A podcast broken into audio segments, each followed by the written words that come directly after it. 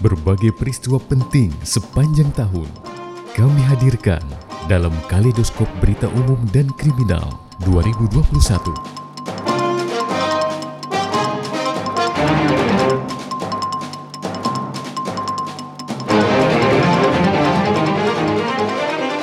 Pendengar, berbagai peristiwa hangat yang menyedot perhatian halayak menjadi catatan penting sepanjang tahun 2021.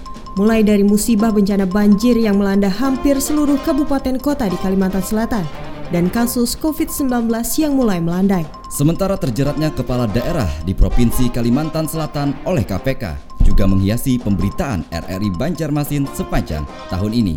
Bersama saya Fadli dan saya Nanda, inilah Kaleidoskop Berita Umum dan Kriminal 2021.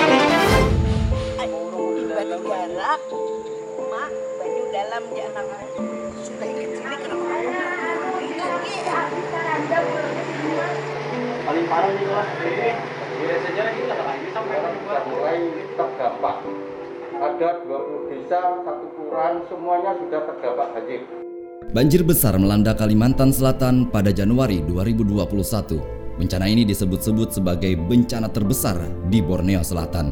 Dari data Disaster Management Institute of Indonesia, 80.000 rumah warga terendam, 342.000 jiwa terdampak dan turut menyebabkan puluhan orang meninggal dunia. Ya Allah ya Rabbi, tolong kami. Ya Allah ya Rabbi, tolong kami. Banyak dalam rumah limpas sudah. Doa terus tukang minta tolong selamatkan anak. Kurang 20 kami di rumah. Anjir nenek, pendalam itu eh nenek.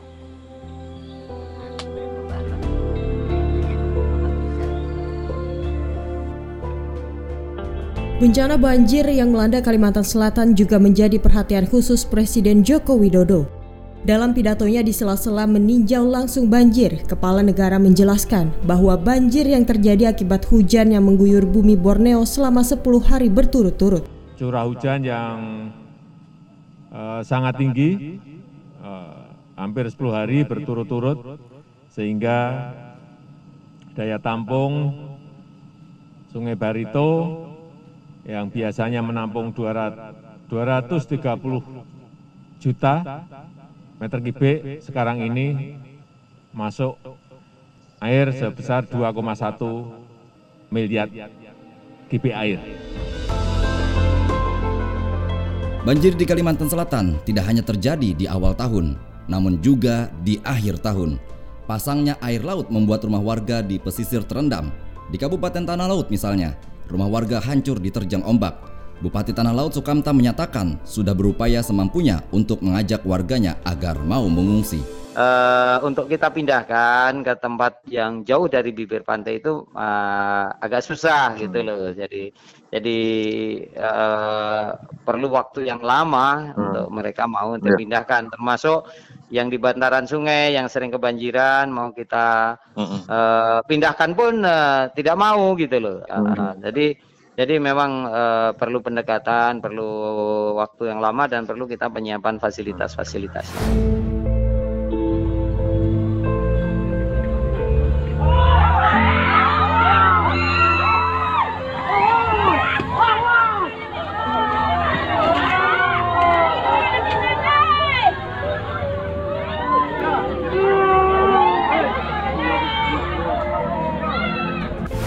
Tanah longsor terjadi di Pulau Maradapan, Kecamatan Pulau 9, Kabupaten Kota Baru pada akhir November 2021. Material longsor dari gunung di tengah-tengah pulau kecil itu menimpa rumah-rumah warga yang berada di lerengnya. Sebanyak 125 warga harus mengungsi di kantor desa Maradapan.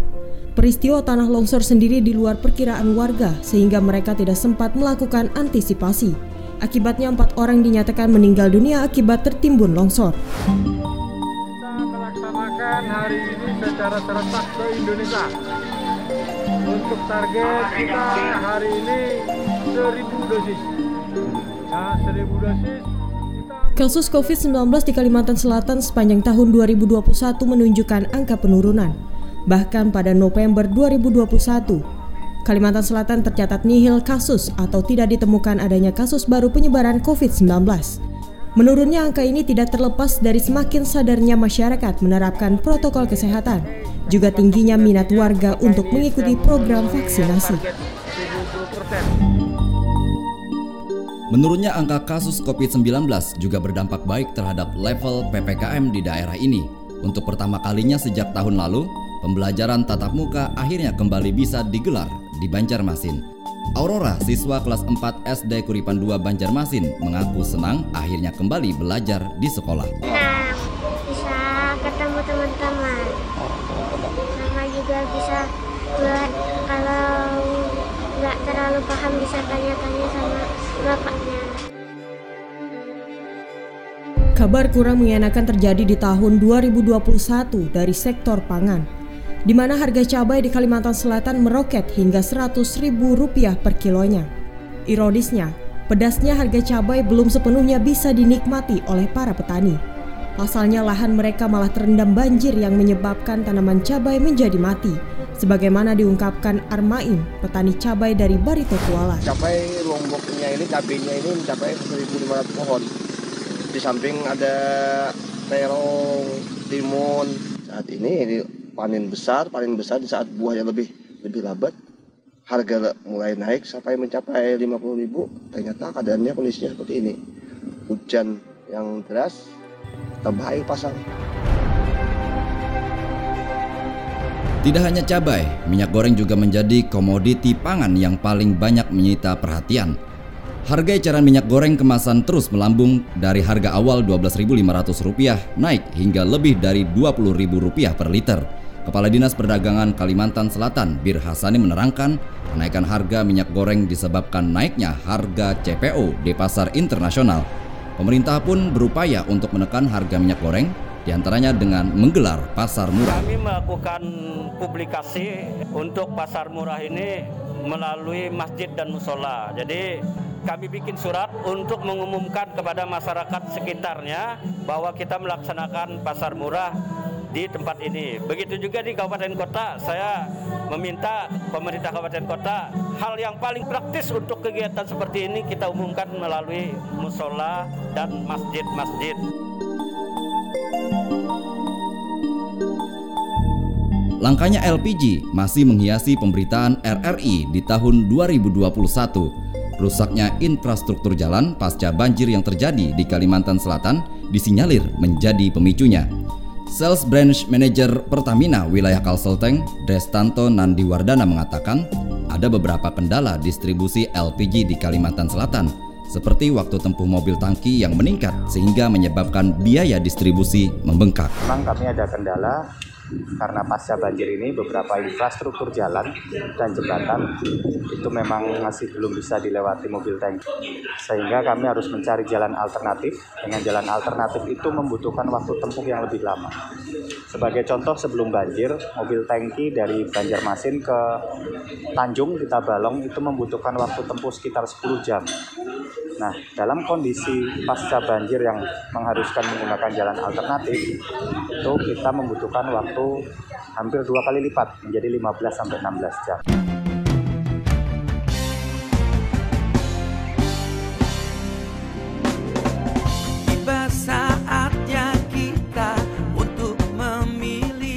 Akibat tidak dilengkapi kartu tanda penduduk, sebagian warga tidak bisa menyalurkan hak suaranya pada pemungutan suara ulang PSU pemilihan gubernur dan wakil gubernur Kalimantan Selatan di Kabupaten Banjar. Sementara secara umum pelaksanaan PSU berlangsung aman dan kondusif. Berikut kita ikuti laporan Liberta Anastasia yang saat itu melakukan liputan di Kecamatan Aluh-Aluh, Kabupaten Banjar. Pendengar, suasana TPS 01 Desa Bunipah, Kecamatan Aluh-Aluh sudah ramai sejak pukul 7 Wita tadi, di mana warga di sini menyalurkan hak suaranya pada pemungutan suara ulang PSU pemilihan gubernur dan wakil gubernur Kalimantan Selatan. Di sini ada 312 pemilih yang sudah terdaftar di TPS ini. Namun yang menyita perhatian pada PSU kali ini adalah tidak sedikit warga yang tak bisa menyalurkan hak suaranya karena tak punya KTP.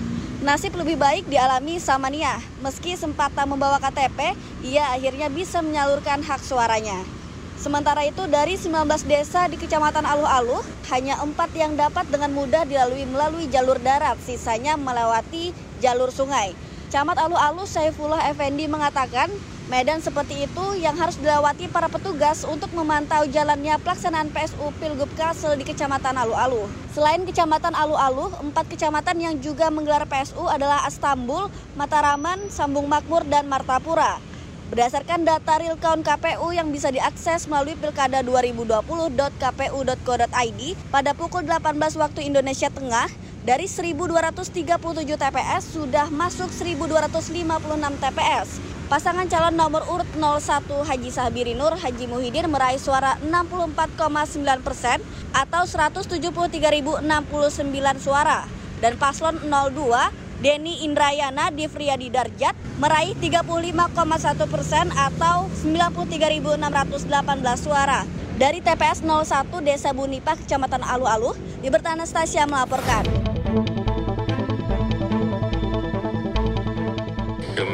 Allah saya bersumpah. Demi Allah saya bersumpah.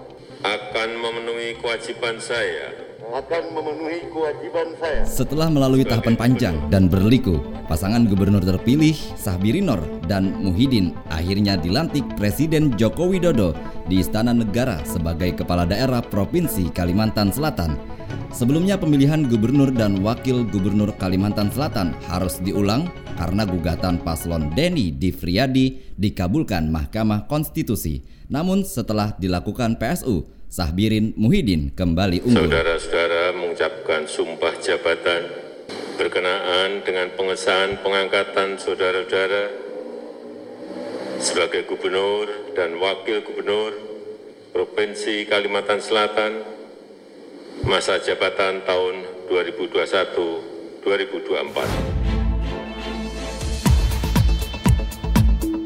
Jembatan Sungai Alak penghubung kota Banjarmasin dan Kabupaten Barito Kuala yang sempat viral dengan sebutan Jembatan Basit akhirnya tahun ini diresmikan.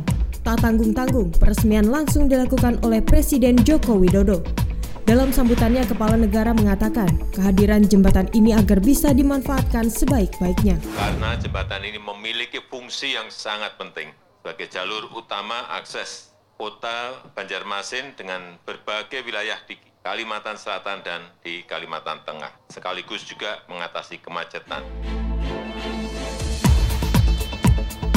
Penantian panjang selama 20 tahun warga Antasan Bromo untuk memiliki jembatan penghubung ke daratan akhirnya terwujud. Jembatan Antasan Bromo di Kelurahan Mantuil, Kecamatan Banjarmasin Selatan, diresmikan oleh Wali Kota Banjarmasin Ibnu Sina oleh karenanya, wali kota mengajak kepada seluruh masyarakat untuk sama-sama bersyukur karena fasilitas penyeberangan itu sudah bisa digunakan. Ini cita-cita masyarakat 20 tahun yang lalu dan alhamdulillah hari ini bisa kita wujudkan. Juga berharap ini bisa dimanfaatkan segera dan untuk warga kota Banjarmasin. Uh, sejatinya ini adalah infrastruktur fisik untuk dimanfaatkan oleh warga. Oleh karena itu, tolong dipelihara dan tolong juga dalam situasi pandemi ini eh, protokol kesehatan tetap dilaksanakan.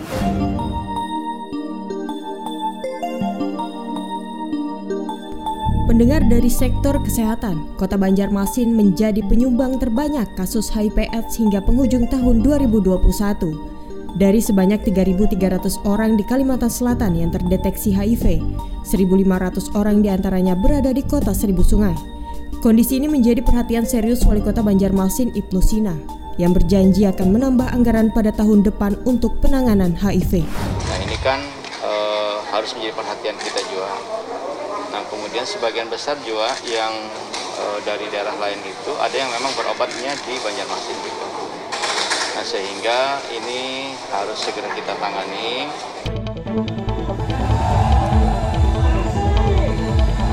Pancasila, sila kelima keadilan sosial bagi seluruh rakyat Indonesia. Demo menuntut langkanya solar di sejumlah SPBU dilakukan para sopir di Banjarmasin. Aksi tidak hanya dilakukan di depan area pintu masuk Pelabuhan Peti Kemas Trisakti Banjarmasin, namun juga digelar di depan kantor DPRD Kalimantan Selatan.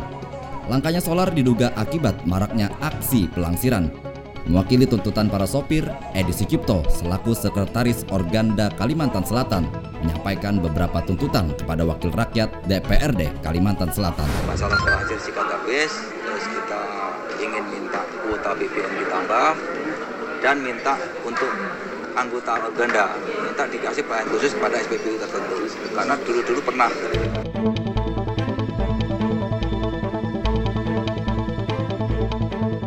Dari dunia hukum dan kriminal, Kalimantan Selatan dikejutkan dengan ditangkapnya R, warga Banjarmasin terduga teroris. R dikenal sebagai atlet silat berprestasi. Dari keterangan sang ayah, R aktif mengikuti kejuaraan silat baik skala nasional maupun internasional. Bahkan dari keterangan Solihin, guru silat R, ia membawa pulang medali emas pada kejuaraan pencak silat di Belanda pada Mei 2021. senjata-senjata yang diambil itu memang senjata kami untuk latihan karena kalau silat budaya genggamannya tuh harusnya yang megang. Karena kalau beda senjata beda lagi caranya untuk ke sana kemari itu biasanya waktunya tuh ada dah.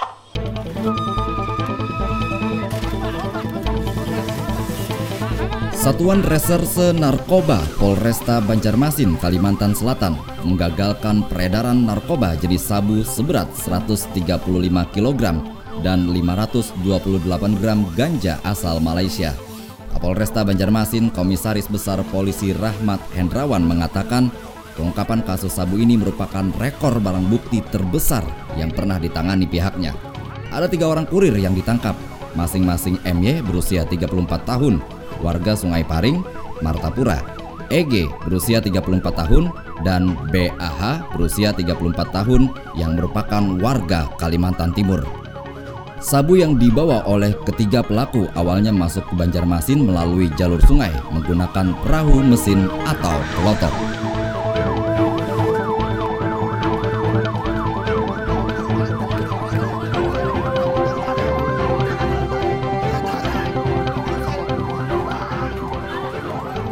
Direktorat Jenderal Bea dan Cukai Kalimantan bagian selatan memusnahkan satu juta batang rokok dan puluhan botol miras ilegal. Pemusnahan dilakukan di dua tempat yakni di kantor wilayah DCBC Banjarmasin dan di TPA Banjar Bakula.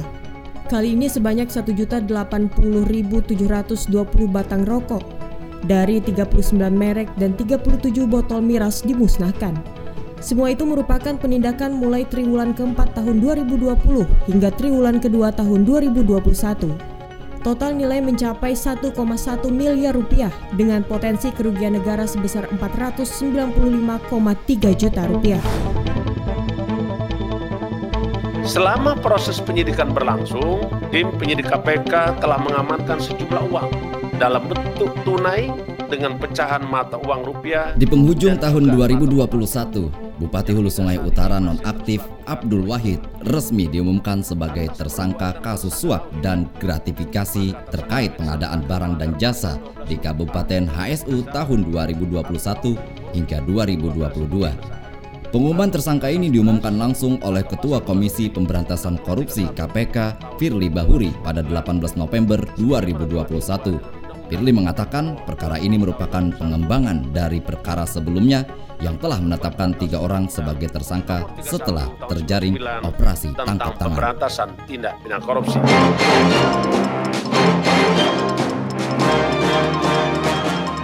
Demikian Kalidoskop Berita Umum dan Kriminal 2021 dengan narator Muhammad Padliansah dan Nanda Sapitri. Penulis naskah Aulia Rahman. Penghimpun materi Liberta Anastasia, Diki Munadi, dan Surya Permana. Teknik rekaman Sahrul Ramadhani. Produser pelaksana Yunan Tanjung. Produser Kepala Bidang Pemberitaan. Dan penanggung jawab Kepala RRI Banjarmasin. Sampai jumpa di tahun 2022.